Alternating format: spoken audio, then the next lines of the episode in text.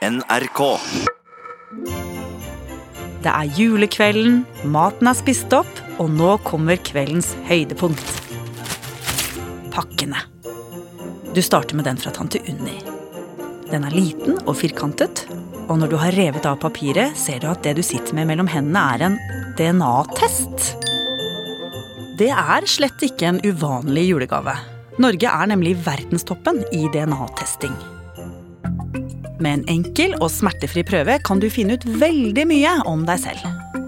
Men flere advarer også mot trenden.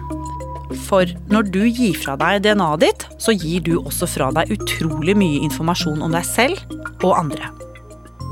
Og vet du egentlig hvem det er som kan ende opp med å eie den informasjonen?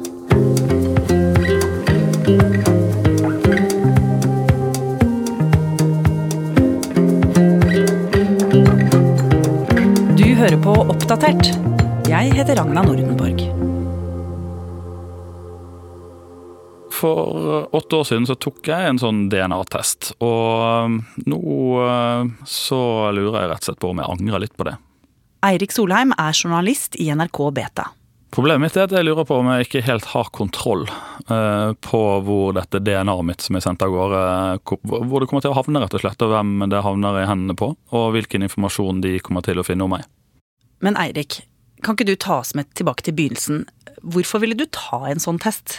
Eh, Først og fremst så er jeg en meget nysgjerrig person, eh, og, og jobber med ny teknologi og har alltid vært interessert i ny teknologi. Eh, Så jeg er jo en person som tester ut ting hele tiden. Så, så begynte dette egentlig med at jeg var på en konferanse i München i 2008. Klassisk sånn teknologikonferanse med dresskledde mannfolk som står og snakker om eh, teknologiene de jobber med og selskapene de har. Det var tre damer der som eh, jeg bet meg merke i. Tre damer på scenen. eh, En av dem med beina i kors, barbeint, og snakket sånn silkemykt om en type teknologi og et selskap som jeg aldri hadde hørt om før. Og, og det var et selskap som du da kan sende en DNA-prøve til. We want to enable people to understand it and then to benefit from it. Og så analyserer de ditt DNA, og så kan du få vite veldig mye spennende om deg selv. Therefore, if I know what my genome is, well, then great! I should understand what my lifestyle should be. Og midt oppi dette her med alle de andre dresskledde folka som snakker om all verdens mer eller mindre kjedelige teknologier, så bet jeg meg veldig merke i akkurat den historien der. Eh, Og, og begynte å følge med på det selskapet og den typen teknologi som, eh, som jeg ble meget nysgjerrig på. Det kostet vel 10 000 kroner eller noe sånt nå på det tidspunktet i 2008. Og så gikk det som med, med all teknologi som jeg følger med på. Det ble mye mye billigere med årene, så bare tre-fire år etter så var det nede i jeg tror det var 990 kroner eller noe sånt. Og da kastet jeg meg over det og sendte inn en prøve. Og Eirik er ikke den eneste som har latt seg friste. I dag finnes det mer enn 250 selskaper i verden som tilbyr enkle DNA-tester til privatpersoner. Millioner har allerede oppdaget opprinnelsen sin. Noen av selskapene mener at nordmenn er blant de ivrigste brukerne av dette tilbudet. Bestill nå og oppdag din. Kun 490 kroner. Og det ser ut til å bli mer og mer populært. Jeg kjenner jeg er faktisk litt nervøs for å lage denne videoen her nå. Fordi i dag så har jeg nemlig fått DNA-testen min. På YouTube finnes det en haug med filmer av folk som tar en DNA-test. It's so incredible and so exciting. Jeg tok en DNA-test for å finne ut hvor jeg kommer fra. I'm gonna take this kid and I'm telling you guys, if I have even 1%, point something percent Italian in me, you are never ever gonna hear the end of it because that means that I am Italian. Og hvis trenden fortsetter, ser det ut til at over 100 millioner mennesker over hele verden vil ha registrert sitt DNA hos private selskaper innen utgangen av 2020. Eirik, hvordan tar man en sånn test? Egentlig simpelt og enkelt. Jeg fikk en pakke i posten fra Amerika.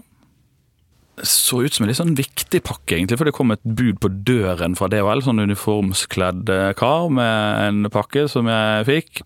Lekkert designet, fargerik boks um, som ser ut som det kommer fra en gavebutikk omtrent. Og det som er oppi der, er egentlig bare et lite reagensglass som jeg skal spytte i. Spytter oppi dette lille glasset og lukker det igjen og rister på det og putter det tilbake igjen i en pen sånn konvolutt som følger med, uh, som er ferdig frankert og som da skal leveres tilbake igjen til DHL og sendes til Amerika. Jeg tenker at det nesten er litt for personlig å sende fra seg DNA-et sitt til et eller annet selskap i USA. Tenkte du over det? Ja, jeg tenkte over det, for DNA er jo på en måte personlig. Det beskriver jo eh, min eh, kropp og min person. Men samtidig så er det jo det minst personlige jeg har. Det er jo det eneste jeg strør om meg med overalt hvor jeg beveger meg.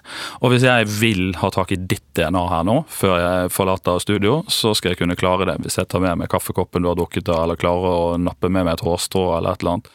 Så DNA-et vårt er jo på en måte ikke personlig i det hele tatt. Vi strør om oss med det overalt. Ok, du har spytta i dette lille røret. Du har sendt det tilbake i posten til Amerika. Og så kommer svarene. Ja, eh, og jeg er jo da så nysgjerrig at jeg går og venter og venter og venter, men så får jeg en e-post. Og da kan jeg klikke meg inn på en nettside og få svar på de mest utrolige ting. Jeg blir fascinert med en gang, for jeg har jo ikke sendt noe bilde av meg til dette selskapet.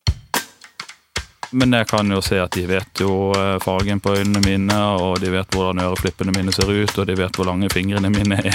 Og det er ikke måte på hva jeg kan kose meg med. fargen på hår og fargen på skjegg. Kommer videre nedover uh, og ser hvor jeg stammer fra.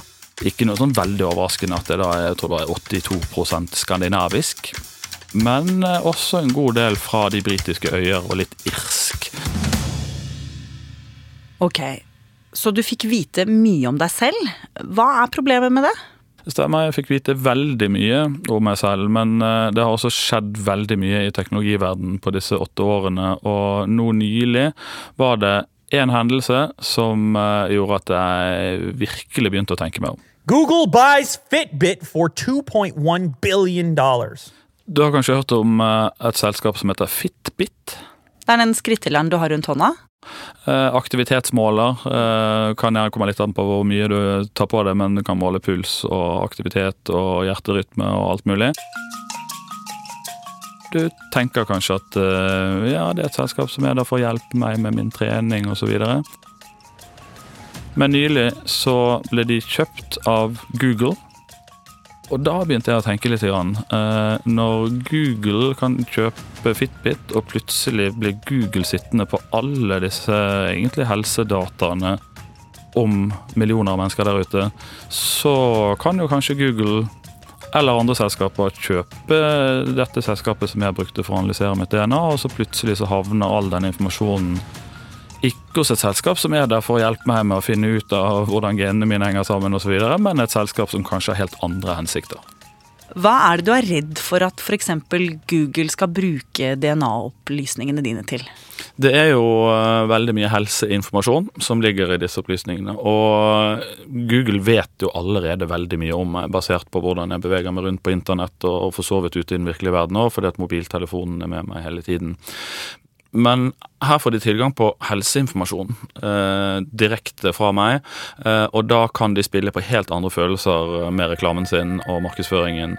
Eh, de kan begynne å spille på frykt. Min frykt for uh, sykdommer som jeg eventuelt kommer til å få. Uh, et konkret eksempel for så vidt. En av de få tingene som jeg da hadde forhøyet utslag på, eller fare for, er at når jeg blir gammel, så kan det hende at jeg får dårligere syn. Der kan de bare begynne å bombardere meg med annonser for briller og det ene og det andre på en måte som jeg ikke liker at de vil gjøre, da, hvis de vet såpass mye om min helse. Dessuten så handler ikke dette bare om meg. Det handler også om uh, mine søsken, mine foreldre, mine barn.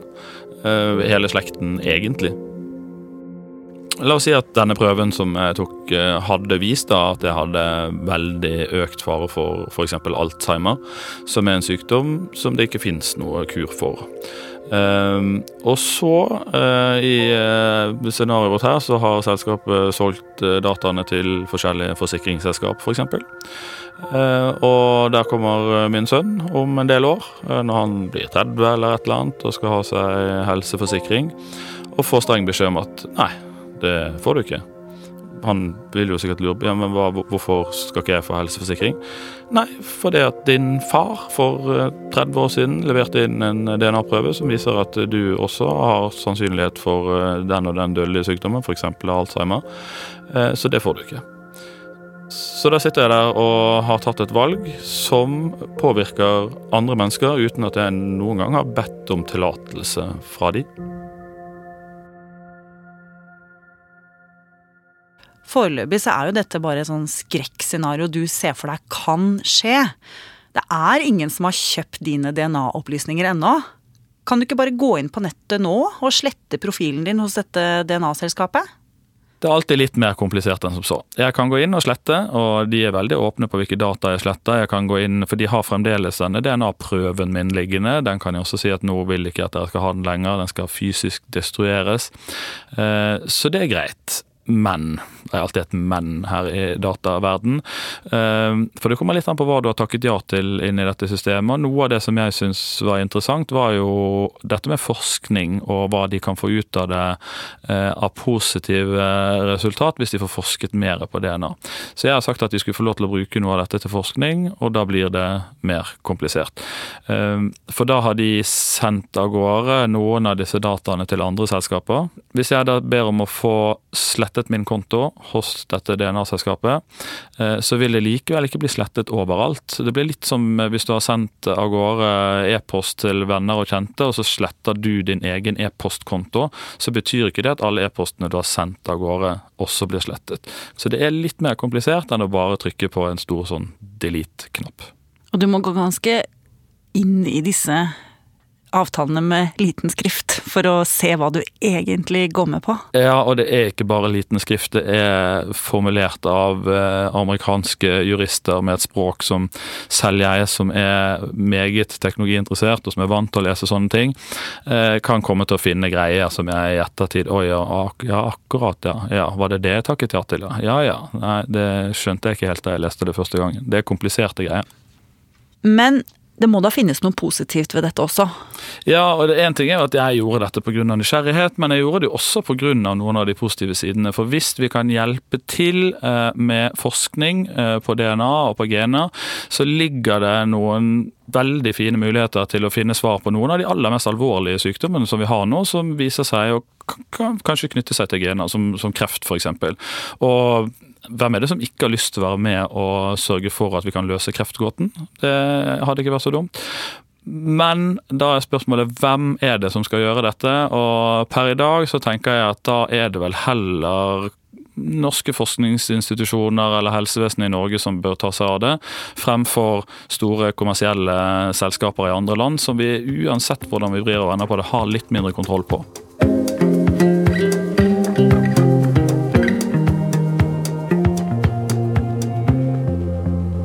Vi i Oppdatert har nå juleferie, men er tilbake 3. januar. Men mens du venter, kan jeg anbefale å høre podkasten Boksringenes herre. Nei, den handler ikke om boksing, men om sånne ringer som er på toppen av brusbokser. Tusenvis av mennesker samler på sånne boksringer og sender dem til Thailand. Hvem er det som samler på dette her? Hvorfor gjør de det? Og hva skjer egentlig med dem der? En annen pose som vi har fått. Der er det en tredje pose.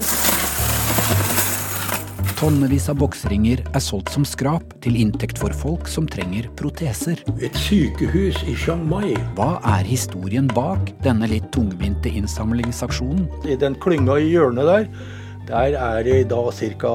1200 kg. Hva tenker de i Thailand? Har bokseringer noen gang blitt smeltet om for å lage proteser?